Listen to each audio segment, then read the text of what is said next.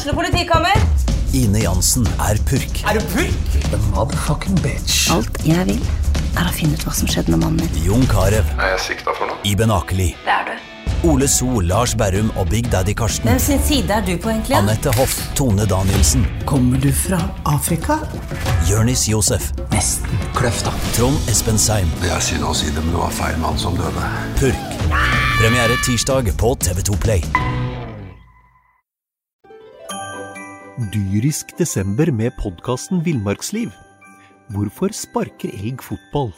Og hvor ligger hoggormen om vinteren? Og hva er grunnen til at bjørnebinna har seg med alle hannbjørnene i området? Svarene på dette og mye mer får du i podkasten Villmarkslivs julekalender Dyrisk desember, der du hører på podkast.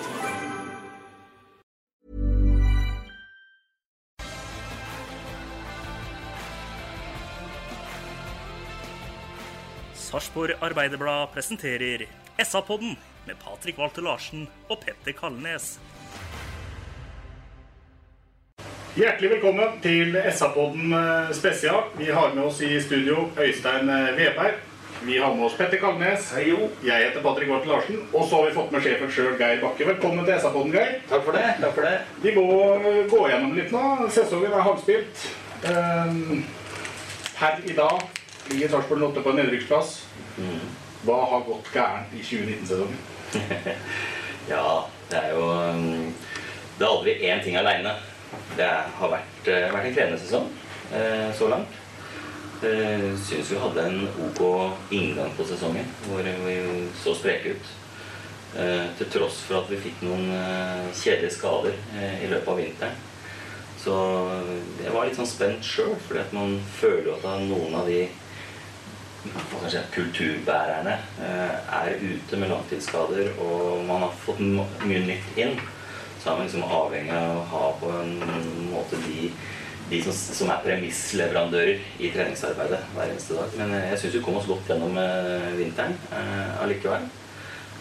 Fikk fletta de nye gutta inn i, i gruppa. Samtidig så så vi at det, det blir en reise her, for vi har satsa på å hente inn en god del ungt. Eh, Noen har forsvunnet ut. Eh, Og kanskje dressen har blitt litt for stor eh, innimellom. Men vi skøyt ut av startgropa. Jeg syns vi var gode i- innledninga på sesongen, som sagt. Molde hjemme, blant annet. Hvor vi var spreke. Kjente igjen oss sjøl. Klarte å holde høyt, høyt tempo gjennom kampen. Stresse motstanderen. Fikk gode fotballspillere til å se dårlig ut enn det de er, og, og så videre. Og hadde en trepoenger i lomma der helt inntil slutten.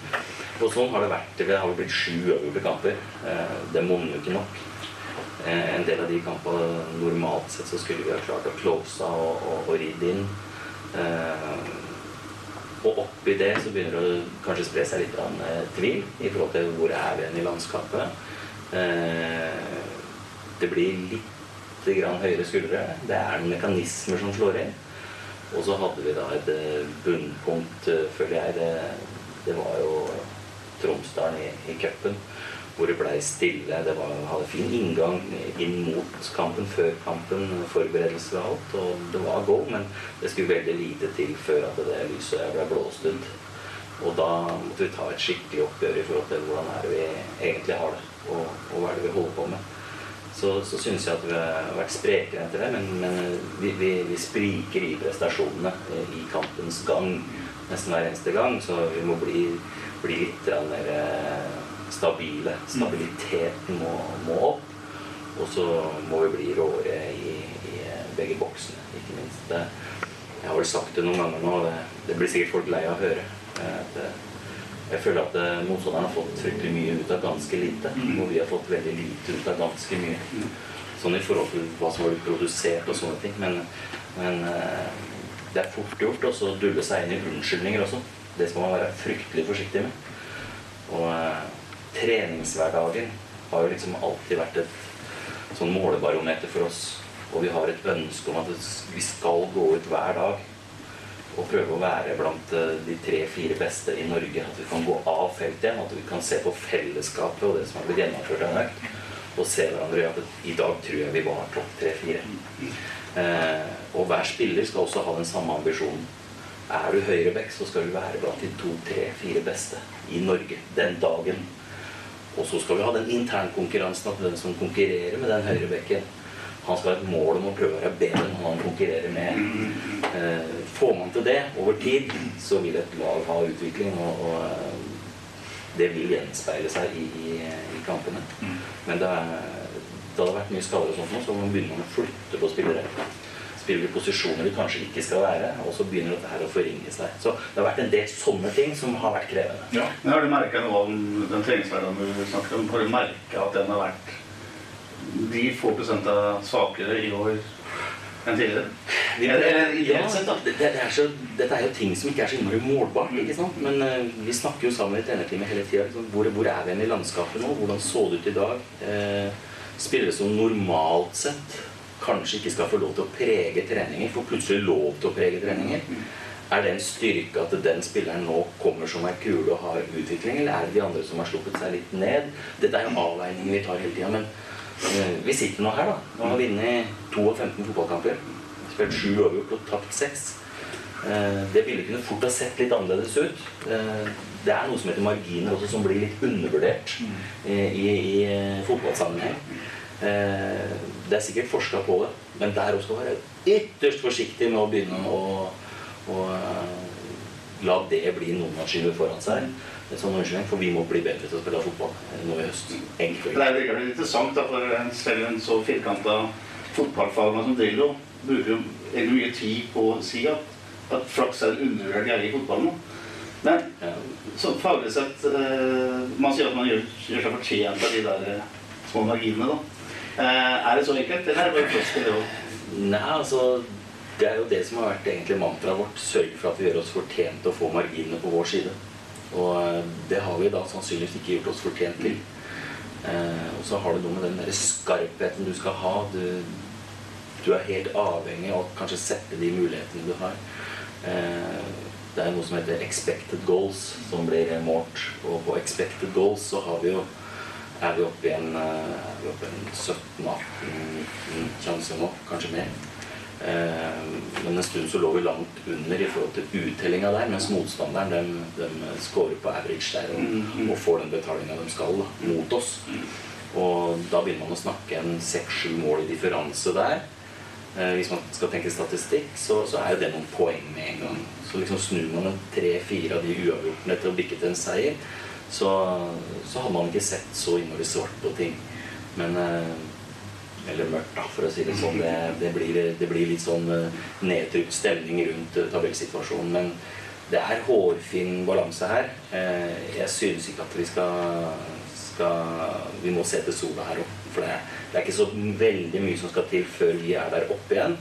Men nå er det faktisk sånn at vi skal plukke poengsnitt nå i høst som skal være formidabelt. For at vi skal slippe unna noe kvalik og, og verre ting.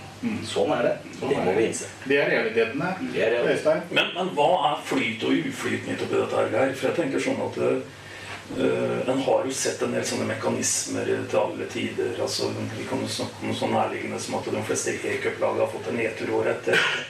Alle har jo hørt om en spiss som ikke skårer mål, og så plutselig skårer hun jo et poengsnitt som er mye, mye høyere. Uh, Hva tenker du skal til for å liksom på en måte snu det? altså det, da hadde de på en måte sikkert knekt en kode som ingen har knekt. Da, men, men, men, men, men hva skal det være? Skal det være en positiv opplevelse?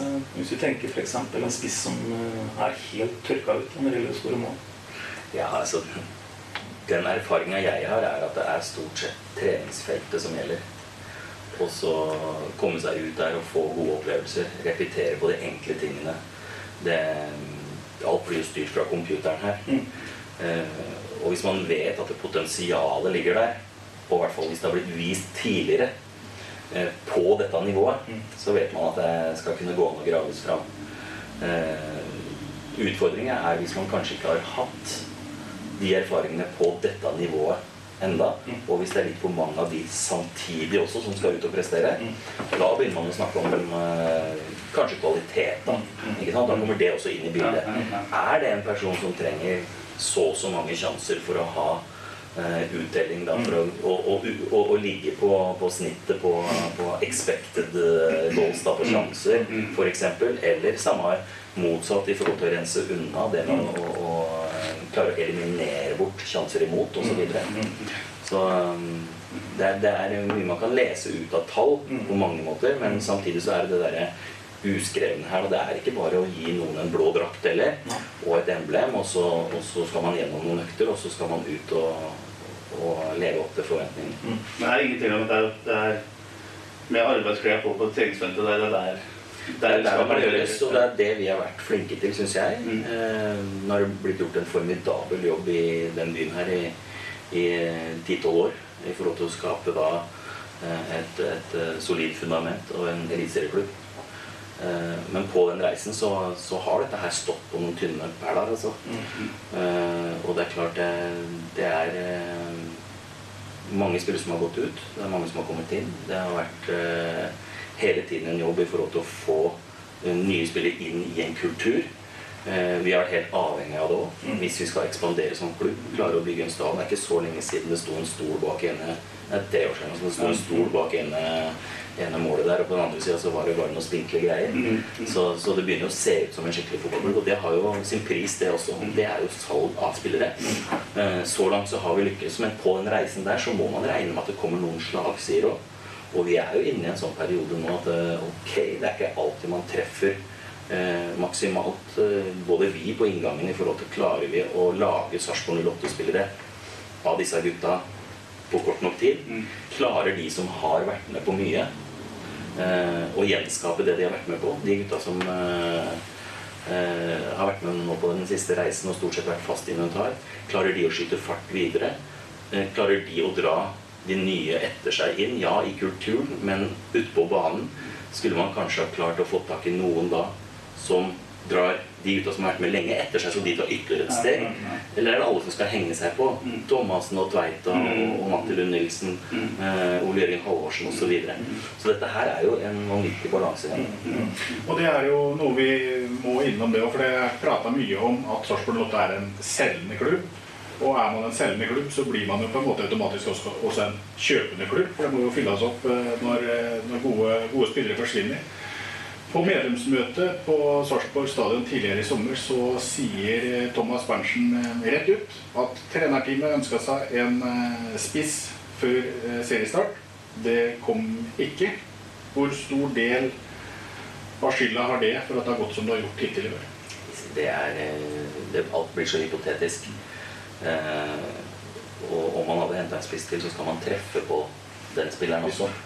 Så vi hadde nok veldig vært på den ballen vi hvis det hadde vært til rett spiller til rett pris til rett kvalitet.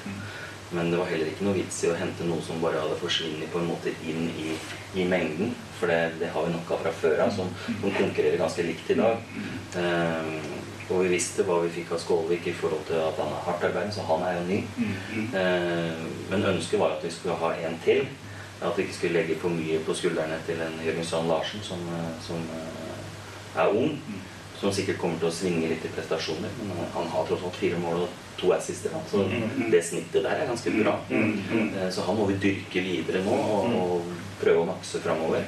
Og så får vi se om det skjer noe i, i det vinduet her, om vi klarer å, å blinke ut. Men det, er- vi skal ha lyst til å spille på Sarpsborg. Det, det, er noen, eh, det er noen lønninger, og det er noe som skjer ute i Europa nå som raser fra oss og til de grader.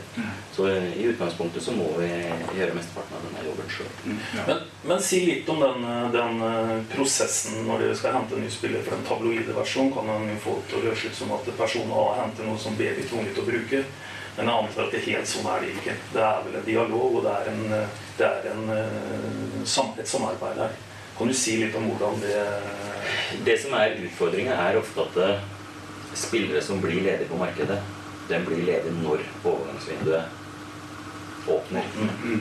Eh, og norske spillere er ekstremt dyre. Hvis vi skal hente ut en spiller fra en annen norsk klubb, eh, så er det fryktelig kostbart. Eh, I hvert fall hvis det er av den kvaliteten som skal komme til oss og, og på en måte løfte laget.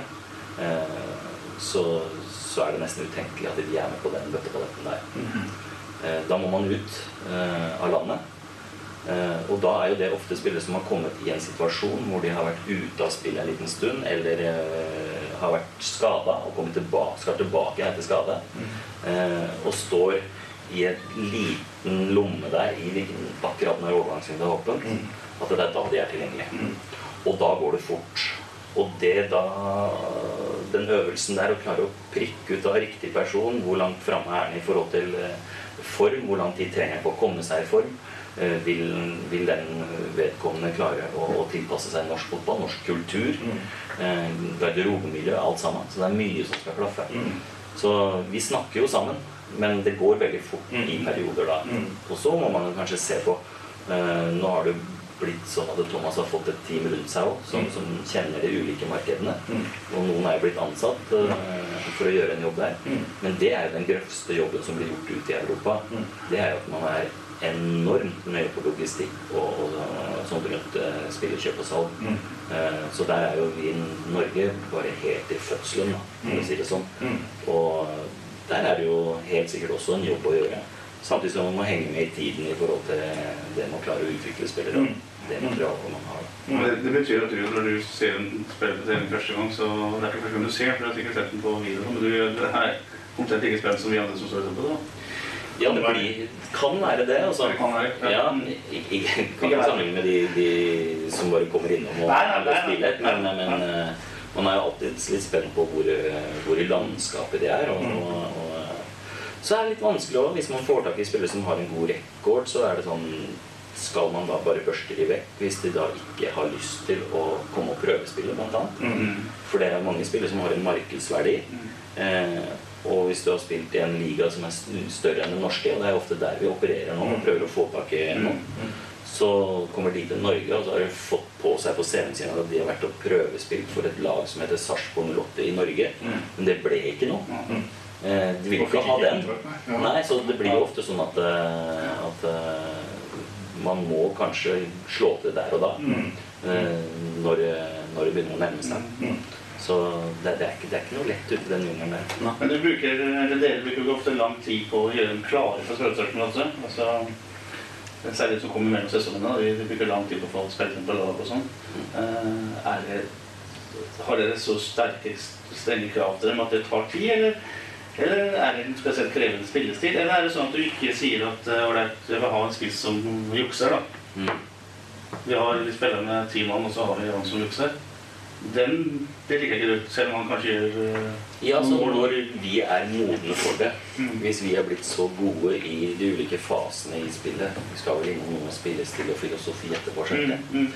Så, så kan man tillate seg til å kanskje ha en kunstner eh, som ikke legger ned like mye på den traurige jobben. Men vi har jo hatt suksess nettopp med at alle eh, har en enorm jobb å gjøre innenfor kravspekket og spille med et høyt press. Eh, med å kortest mulig vei til målet eh, etter gjenvinning. Eliminere bort eh, Alle lag har noen svakheter. Og hele min filosofi går jo ut på at vi må klare å eliminere bort svakhetene våre. Og så må vi prøve å få fram svakhetene hos motstanderen. Og så må vi prøve å få dyrka fram noen styrker hos oss sjøl ut ifra det mannskapet man har til enhver tid. Men, og det er jo litt spesielt med Sarpsborg, siden gjennomtrekken er såpass stor. Så må vi trenere være ekstremt dyktige til å være tilpasningsdyktige. Hvordan er det den gjengen her kan opptre sammen for at vi skal vinne flest mulig fotballkamper? Og da er det viktig at det ikke blir en lapskaus også. Vi må prøve å ha en retning på det vi foretar oss. Og sånn sett så kan det være krevende å komme inn i stilen vår, for den krever at du forflytter deg fort og mye. Og du må være godt trent for å spille i Sarpsborg 08, for vi trener mye. For at vi skal ha utvikling, så må du trene mye. Eh, Så hadde du bare hatt ferdige varer, så kunne du ha hatt 12-13-14 knallgode gutter som sjelden er skada.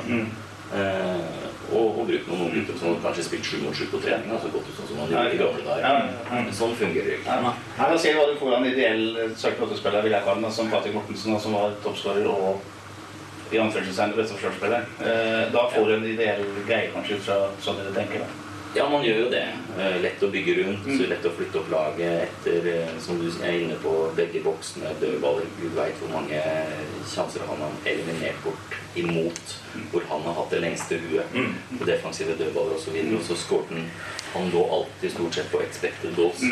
Så hvis han hadde tolv expected goal-sjanser i løpet av dagen, så lå det stort sett på tolv. Ikke sant? Så um, Det er jo det er ikke noe lett å erstatte det. Det sier seg selv. Nei, det sier seg sjøl. Snøen som falt i fjor, dessverre. Mm, Den har smelta, den snakka vi ikke mer om nå. Eh, Det vi kan snakke litt om, er å dra videre på det her med spillere inn, spillere ut. Så har du sagt at eh, du ønsker en eh, stor, en bred tropp. Spille spillsekvenser på trening. Eh, Og så er det butikken som Øystein prater om. Den er ikke åpen ennå. Selv om det har kommet spillere inn og spillere har forsvunnet ut, så er det på en måte sånn at de er ikke offisielt klar klare ennå. Um, troppen per i dag den teller nesten oppimot 30 mann. Det regner jeg med at den ikke kommer til å gjøre når uh, vinduet og butikken til Øystein åpner. Nei, og det er klart det, det vil være sånn at noen spillere får, eh, forsvinner ut.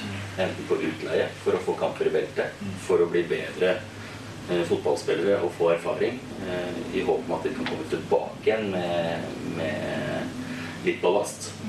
Istedenfor å ha sparring på treningene våre. Når, vi, når vi får andre spillere inn. Det kan hende at det blir flere salg. Man vet jo aldri. Men eh, jeg tror vi begynner å nærme oss at vi er fornøyd med å selge spillere nå. Mm. Så det viktigste her er jo å gå inn i den neste sesongen nå med, eller resten av sesongen med å, å, være poengplukkere. Og, og være slagkraftig. eh, Og ha en vanvittig entusiasme rundt det vi foretar oss. Og treffe på noen av de som kommer inn nå. At vi får et, eh, får et løft. Kort om eh, ta ett av salget, da. Eh, En keeper som kommer fra finsk liga, og som står eh, eksepsjonelt bra i eh, Europa spesielt. Sto også bra i Eliteserien i fjor, det var Sioti. Eh, Hatt kanskje en litt dalende kurve, hatt noen flere skogturer i år enn han hadde i fjor. Men jeg kan jo si noe om det. Det å på en måte være med Selv om jeg vet jo det at det er Jerry som kjører keepertreningene i Sarpsborg Lotte, det, det, må jo, det må jo være noen stolthet forbundet med det å hente på en måte en eh, Vi kan ikke kalle ham en avdanka spiller, for han ble jo kåra til årets keeper i Finland. Men det er en, eh, en keeper som Zenit litt har gitt opp. da Så kommer han gratis til Sarpsborg Lotte, så går det ett år, og så sitter igjen med nesten ti millioner for, eh, for en keeper som har gjort en kjempejobb. Det må jo, det må jo bli stolt av sånne ting som det. Ja, det er jo det det mye av butikken er tufta på. Da. Eh, å, og kunne hente spillere, foredle de og, og selge noen av de. Sånn at eh, vi kan ha den staben vi har, at vi kan ha den sånn ramma rundt kampene våre som har. Og det viktigste av alt, at vi spiller i Eliteserien. Eh, og målet er jo etter hvert at man kanskje skal eh, bli så godt rusta at man slipper å, å selge spillere i, i vinduet midt i sesongen. Eh, Sånn at øh, ja, de er attraktive. Klubber er interessert i å hente dem, men ja, dere kan kjøpe, men de skal fullføre sesongen ute.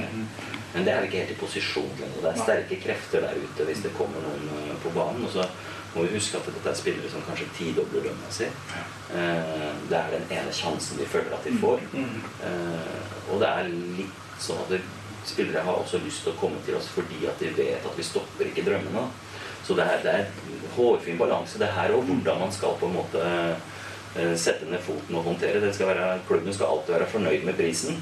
Eh, men vi må, ikke, vi må være forsiktige så vi ikke stopper drømmene til disse gutta. Som, eh, Vasutun hadde ikke trengt han, Det var flere klubber som var ute etter ham. Men han valgte oss fordi at han har sett at vi er en klubb som eh, både utvikler og slipper til eh, spillere. Og at eh, vi ikke stopper noen når eh, de har lyst til å sprette videre.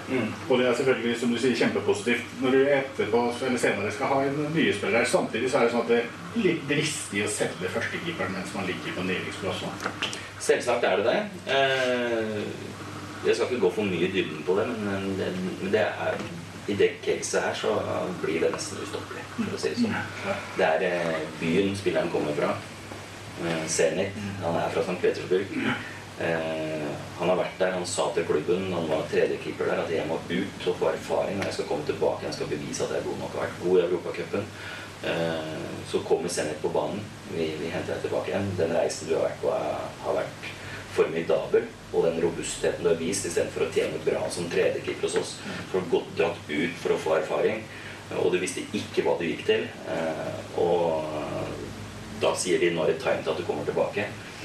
Da er det ikke lett å være Sarpsborg 08 heller og kunne si at det her stopper vi. Dere må vente litt. Det går ikke. Eh, og så er vi jo fornøyd med selvfølgelig at det er en spiller som, eh, som Thomas og Dorplu har klart å, å plukke opp og hente gratis. Eh, Og selge. Selvfølgelig er det uheldig, og jeg skjønner at det vil bli kommentarer rundt det. Frustrasjon rundt det. Vi som trener og leder laget kjenner jo også på det. Men da må vi bare være dyktige til å finne erstattere og, og eh, klare å, å, ha en konkurransesituasjon som tilsier at vi skal fortsatt være et eliteserielag. Mm. Og så er det jo en ting til, vet du, Patrick, og det er at uh, mye av det vi skal snakke om nå, blir jo veldig kortsiktig. For vi er jo enige om at uh, suksess i år nå, det er på en måte å berge oss, og, og så må vi satse på det. Men, men dette her var jo virkelig en langsiktig effekt. For Vasutin lever jo ikke i et vakuum. Han snakker jo med, med sitt nettverk. Andre snakker jo også med sitt nettverk, som nettopp har opplevd at en ikke stopper drømmene. Så, så dette vil jo på en måte rekruttere flere sånne case på sikt. Alt annet ville vært veldig, veldig rart. Ja, nei, det er nettopp det. Men det krever også at man har en sportslig ledelse eh, og trenere som eh, er interessert i å starte med den, eh, det du kaller rekruttskole første gang hvert år. Da. Ja. Men du er, ikke, du er ikke lei det der? Da? Nei, det er jeg ikke lei av i hele tatt. Og jeg har hatt mine muligheter til å sprette videre sjøl. Eh, Opptil flere. Men eh, det å få jobbe i Sarpsborg 08, hvor du ser at det er eh, entusiasme, og så er det jo en arbeiderby. Jeg liker jo jeg liker litt hele konseptet. At det her er det en for alle, alle for en. Det er masse mennesker som hjelper til på stadion hver dag. Vi blir flere og flere på tribunen. Eh, nå begynner vi å plage både dommere og motspillere med at det er et volum som også er, som det er trøkk i. Jeg ser at det er noe som vokser i, i denne byen her. Eh, så sånn sett så er det liksom Nei, det er ikke nå vi skal liksom eh, få den slagsida. Men den er der. Men det skal vi håndtere. Det skal vi gjennom. Og vi skal ut igjen på andre sida og være enda bedre rustet. Eh, Det er eh, noen som har skrevet noen bøker i forhold til, eh, til eh, bedrifter som lykkes. Eh, Som heter Good to Great. eh, Og en som heter Build to Last, eller noe sånt. Mm. Eh, Og alle bedrifter som går fra good to great, eh, de har vært gjennom en periode som har vært fryktelig krevende. Vi er inne i en krevende periode nå. Eh, og nå dras det i hverandre på stadion der. Og jeg skal love dere at det er mye diskusjoner som går i alle mulige retninger. Eh, og mesteparten av det som blir diskutert, da, og den høyden der oppe under det taket der, det, det skal ikke ut på SA-TV. Men jeg kan love deg at det er fruktbare og sannsynligvis nødvendige ting vi må igjennom eh, for å ta nye steg. Samtidig som at vi skal konsentrere oss om at vi skal være ledere som utstråler eh, noe positivt. Eh, Vi skal ha spillere som ikke er redde for å gå ut og prestere. Vi veit at vi kommer til å vinne fotballkamper, vi kommer til å tape fotballkamper, og vi kommer til å spille uavgjort i høst òg. Vi må snudd litt på rekkefølgen i i våres. Det er det det handler om. Klart.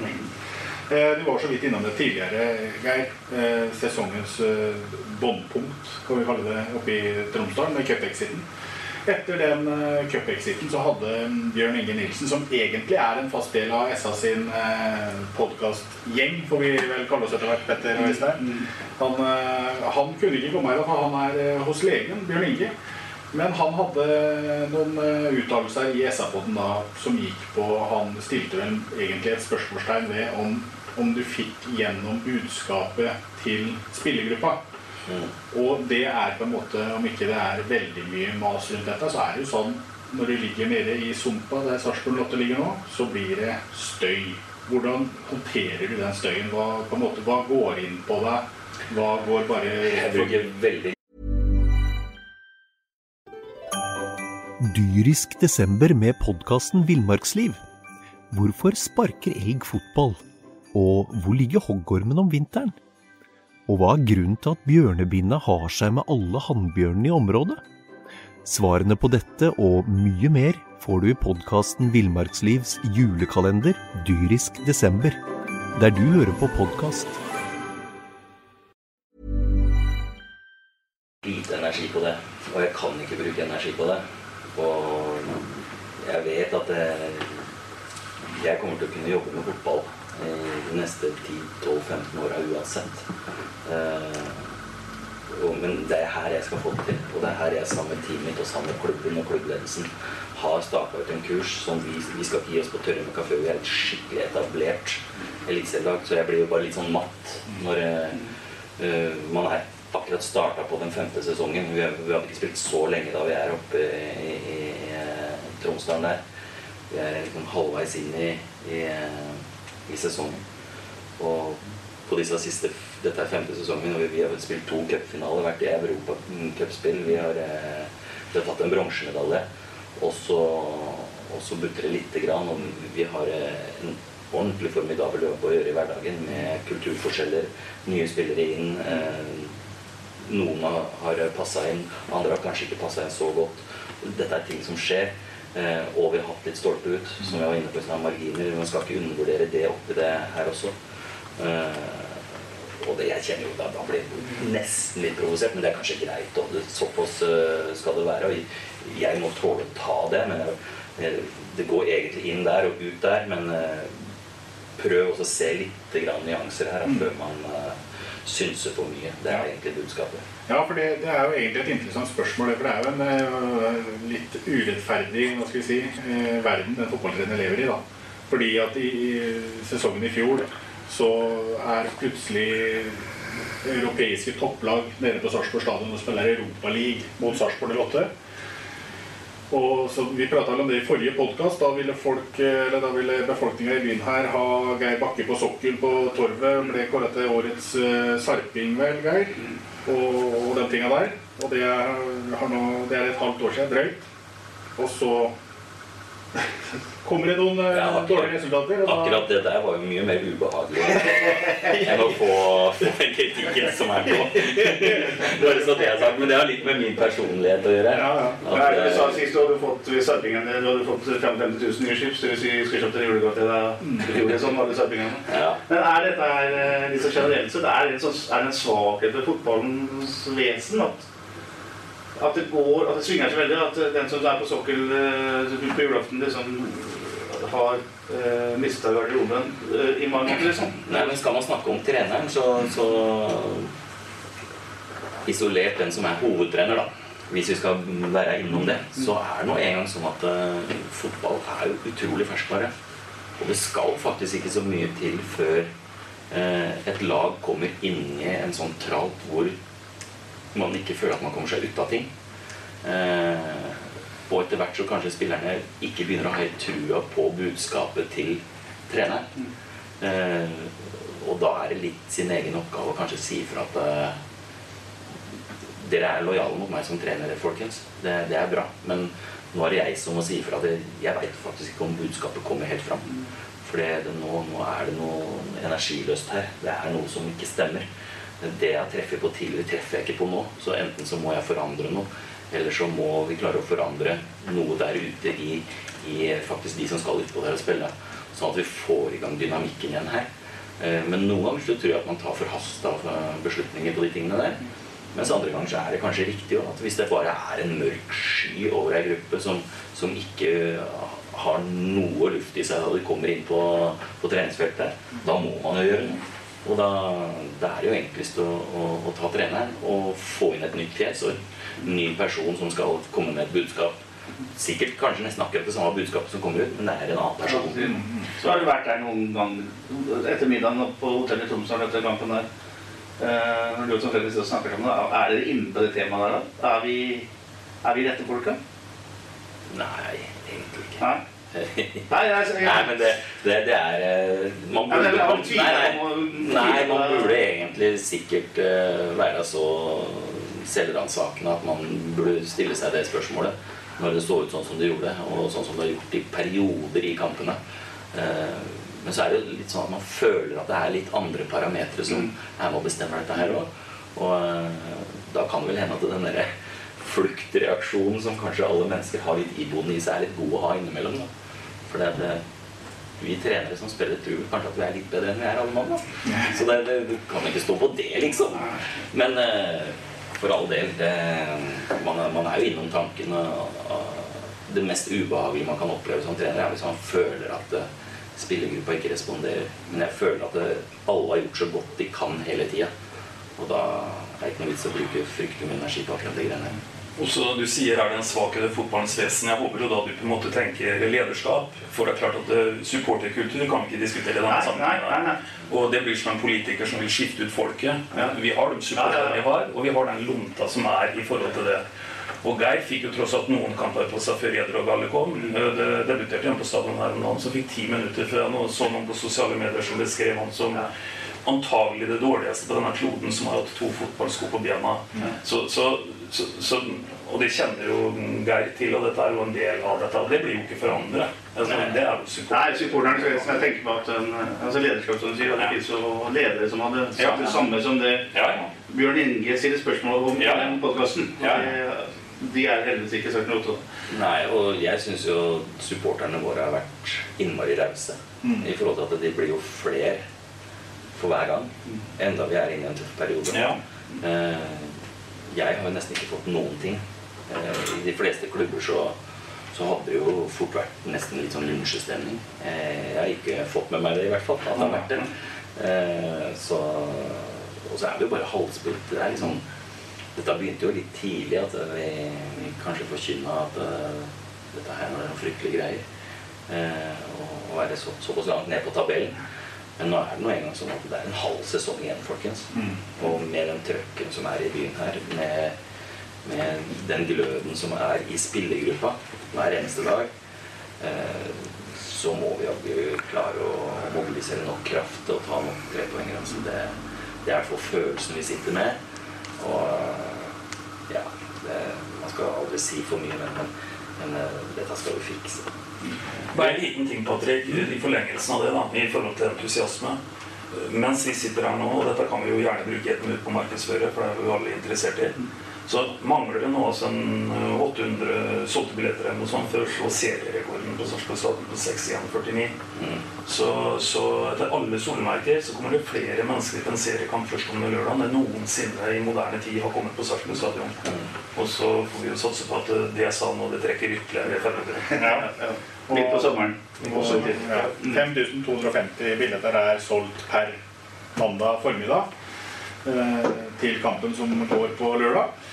Eh, du har vært innom det her rekruttskole, sier både du og Petter noe om. Eh, så er det sånn nå at nå blir det jo på en måte, for noen i hvert fall, da, en liten rekruttskole midt i sesongen. I og med at det kommer spillere inn og ut, og det, det er utskiftninger midt i sesongen nå.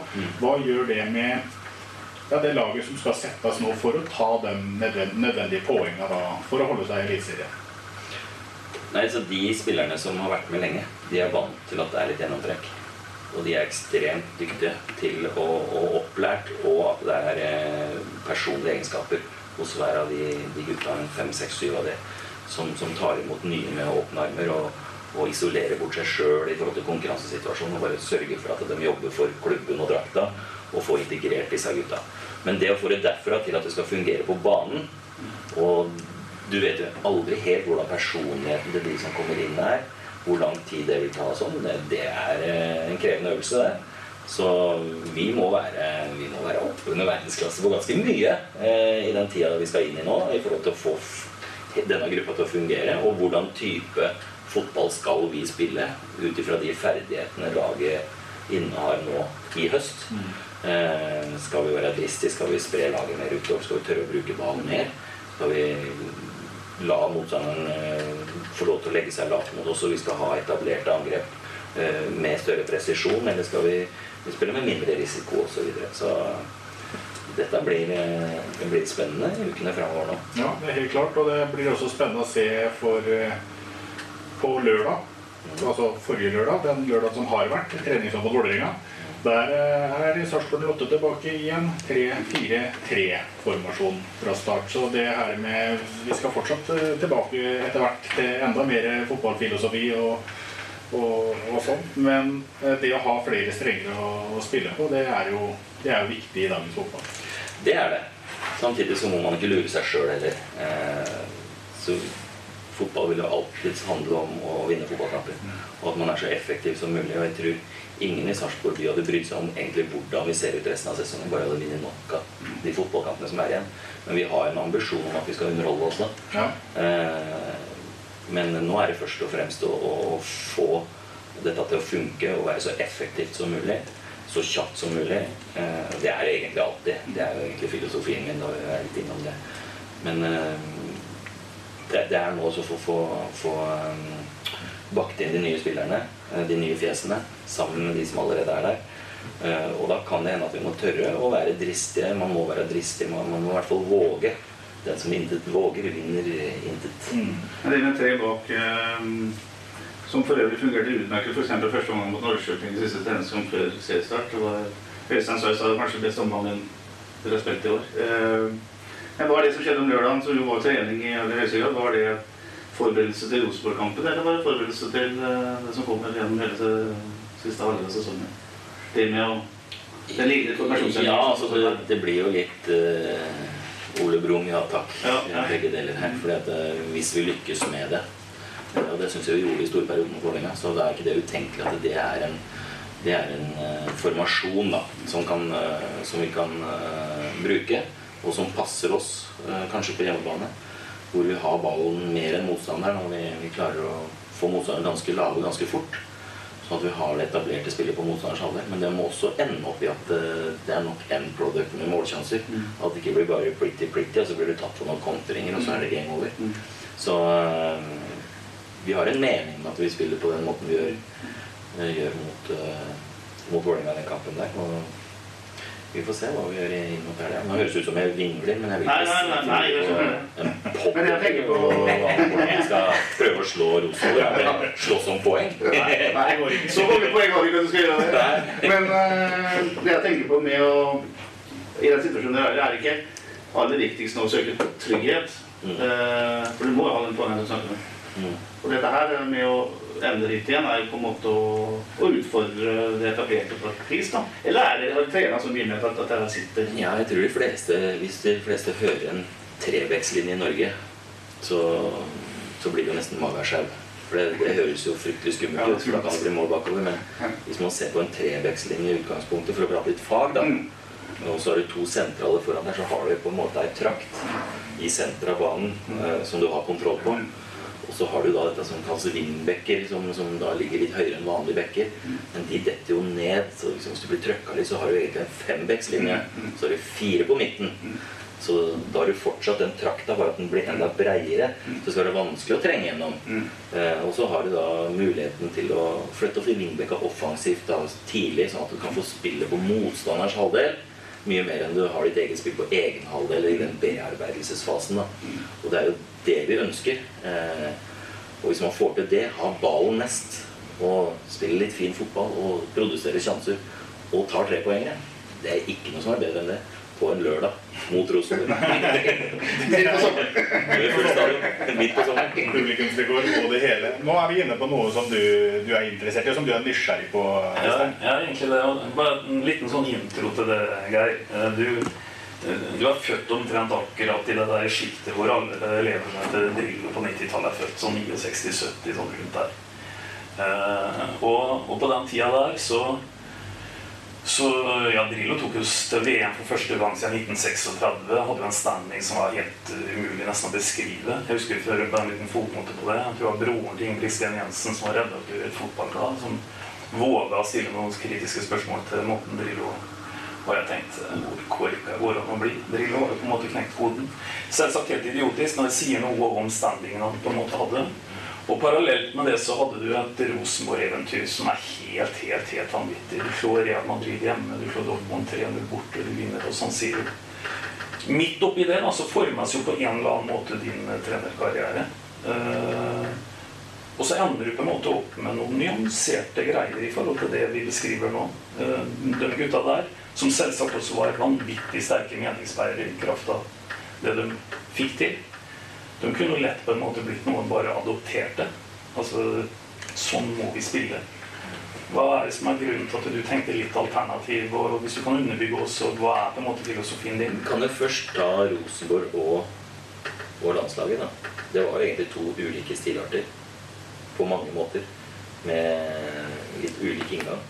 Rosenborg spilte jo på at de skulle spille gjennom ledd eh, med stor bevegelse og hele tida utfordre neste presseledd med ball og skape overtall på reisen oppover.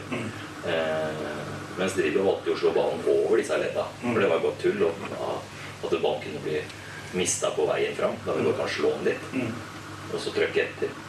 Eh, og ja, jeg var elev til Drillo. Jeg hadde han som lærer da jeg gikk på idrettshøyskolen. Mm. du fikk jo ganske godt innpass i tankesettet og sånn rundt det. Men det som gikk igjen for begge laga, eh, både landslaget og, og, og, og Rosenborg, var at det var veldig gjennombruddshissig. Mm. Og det ser man jo, det har jo bare blitt mer og mer av i fotballen. At uh, det med å prøve å utnytte ubalansen hos motstanderen. Så det har jeg med meg. Det er jo det jeg liker best. Å ha et lag som er robuste og solide defensivt. Så den strukturen der, den tror jeg er ganske lik hos de fleste som har utdannet seg som trenere fra nettopp den tida. Mm. Eh, eller var spillere og var med på det. Eh, så, så eh, det er nok med den, den defensive soneprinsippstrukturen. Og det med å, å, at det skal gå fort i lengderetning når sjansen byr seg. Men så har fotballen utvikla seg litt, og det er blitt bedre baner, og det er blitt bedre trente spillere. Og det er blitt litt forskjell på hvordan man angriper et lag som man er antatt bedre eller antatt dårligere. Eh, Og der må man være litt sånn ærlig med seg sjøl. Hvor er man i landskapet? Hadde vi dratt ut i Europacupen i fjor og, og prøvd å spille pretty pretty fotball, da hadde vi ikke blitt gamle. Eh, så da var jo vi egentlig Drillo, ekstremutgaven av Drillo i fjor. Eh, hvor det, vi, vi lagde et uttrykk som het ball in play og ball out of play. Så vi skulle jo, jo mer den ballen var ute av banen mot de gode lagene, jo bedre var det for oss.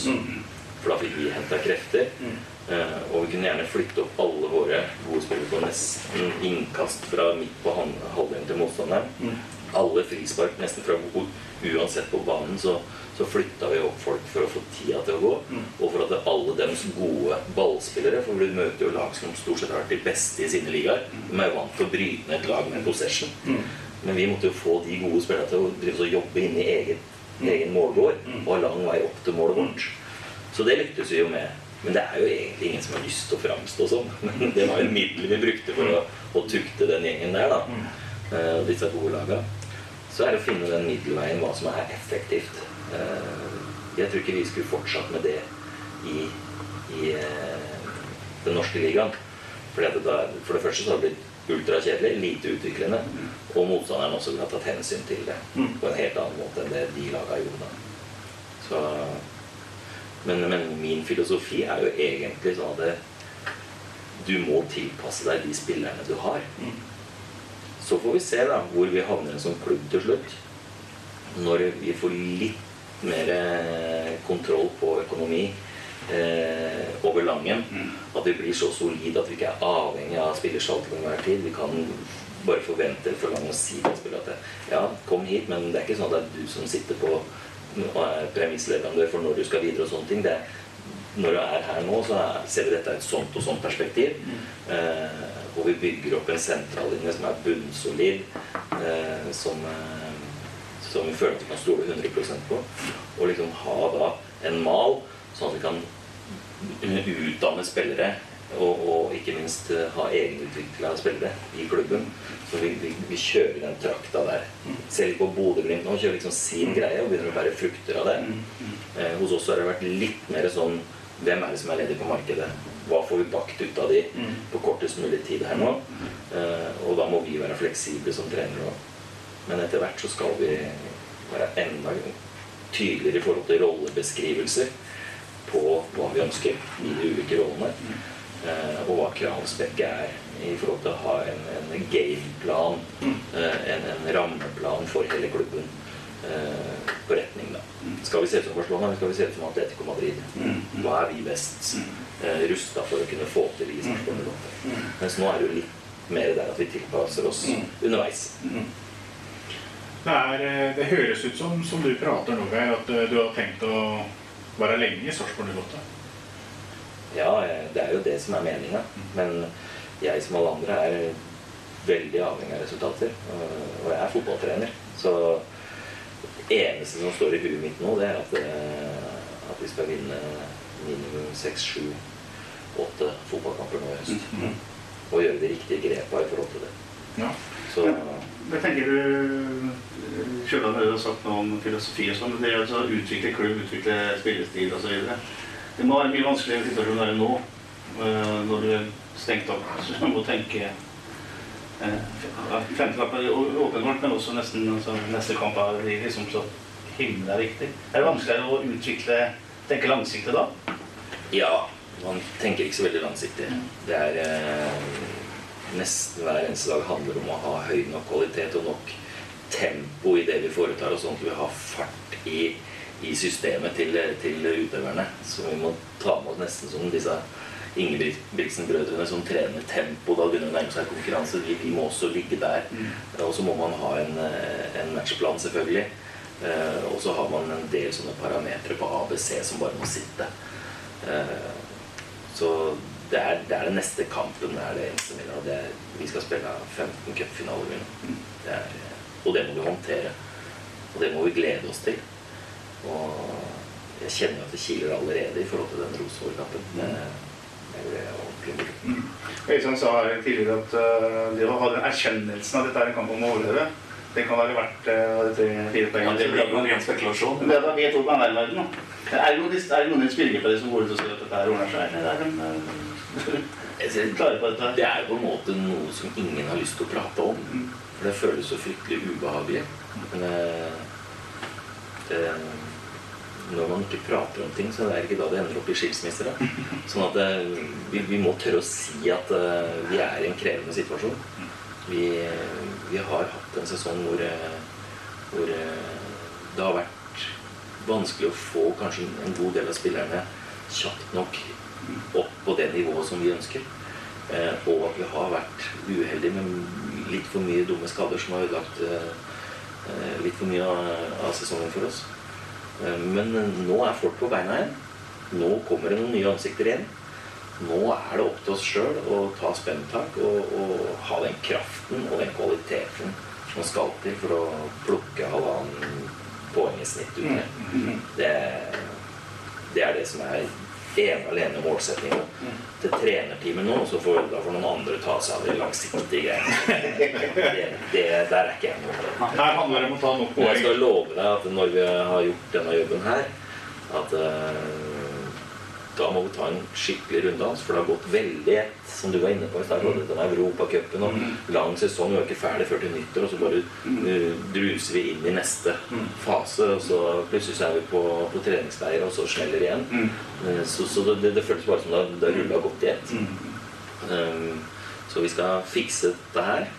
Vinne sju-åtte Vi jeg til å vinne flere år. Nå passer det her. Det har tatt to så langt, så skal man kanskje moderere seg litt. Men målsettinga må være at vi skal ut og plukke trepoengere hver gang. Eh, for trepoengere monner så mye. Sånn at eh, Og for å plukke de trepoengene, så, så må man eh, Man må være offensiv, framoverlete, være samla. Og så veit vi at det, i hvert fall inntil videre at vi, vi har en supporting som bare blir bedre og bedre. Så det å komme til å hjelpe oss, eh, spesielt på hjemmebane. Første mulighet til eh, tre nye poeng, det er på lørdag mot eh, Rosenborg. Vi pleier å kjøre en liten eh, jeg, kaller det, jeg kan kalle det en gjettekonkurranse, for vi treffer jo aldri. Jeg tipper eh, 2-1 til Sarpsborg mot Rosenborg. Så blir det målskårer fra bakre ledd. Eh, En Nicolay Næss og en eh, Joakim Thomassen. Har ikke vi, har ikke vi tippa dette før, her? Vi har gjetta før. Du glemte hva du tippa, du? Ja. Jeg tippa nemlig 1-0 til Sarpsborg og målskårer Magnar Ødegaard. Ja. Gjetta. Du tippa. Gjetta.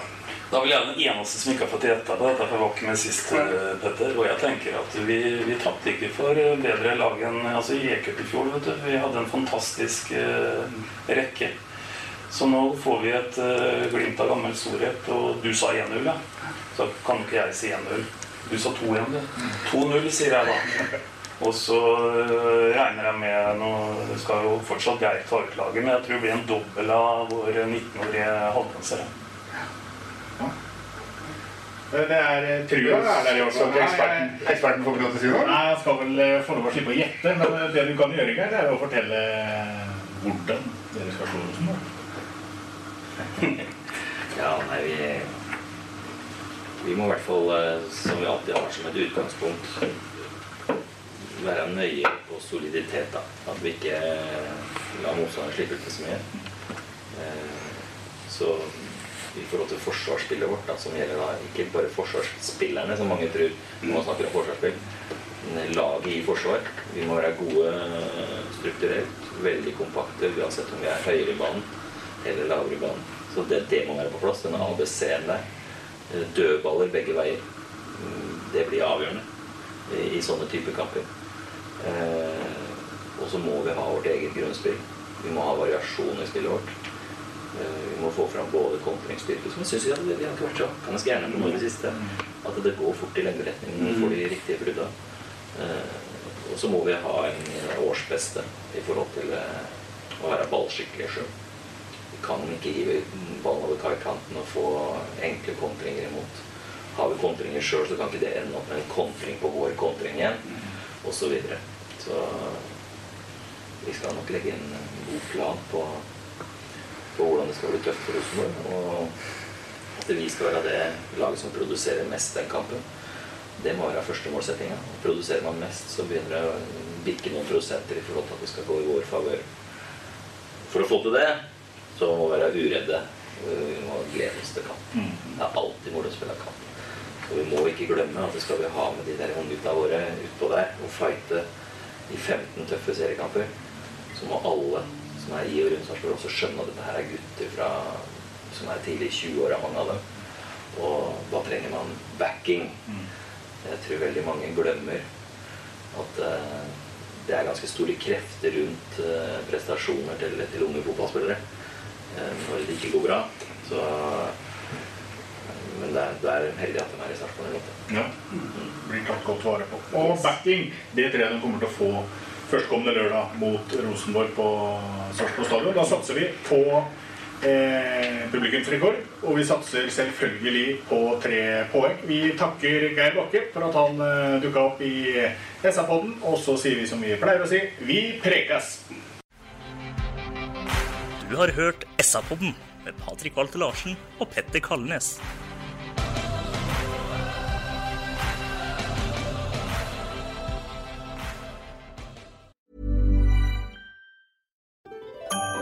Dyrisk desember med podkasten Villmarksliv. Hvorfor sparker elg fotball? Og hvor ligger hoggormen om vinteren? Og hva er grunnen til at bjørnebinna har seg med alle hannbjørnene i området? Svarene på dette og mye mer får du i podkasten Villmarkslivs julekalender Dyrisk desember, der du hører på podkast.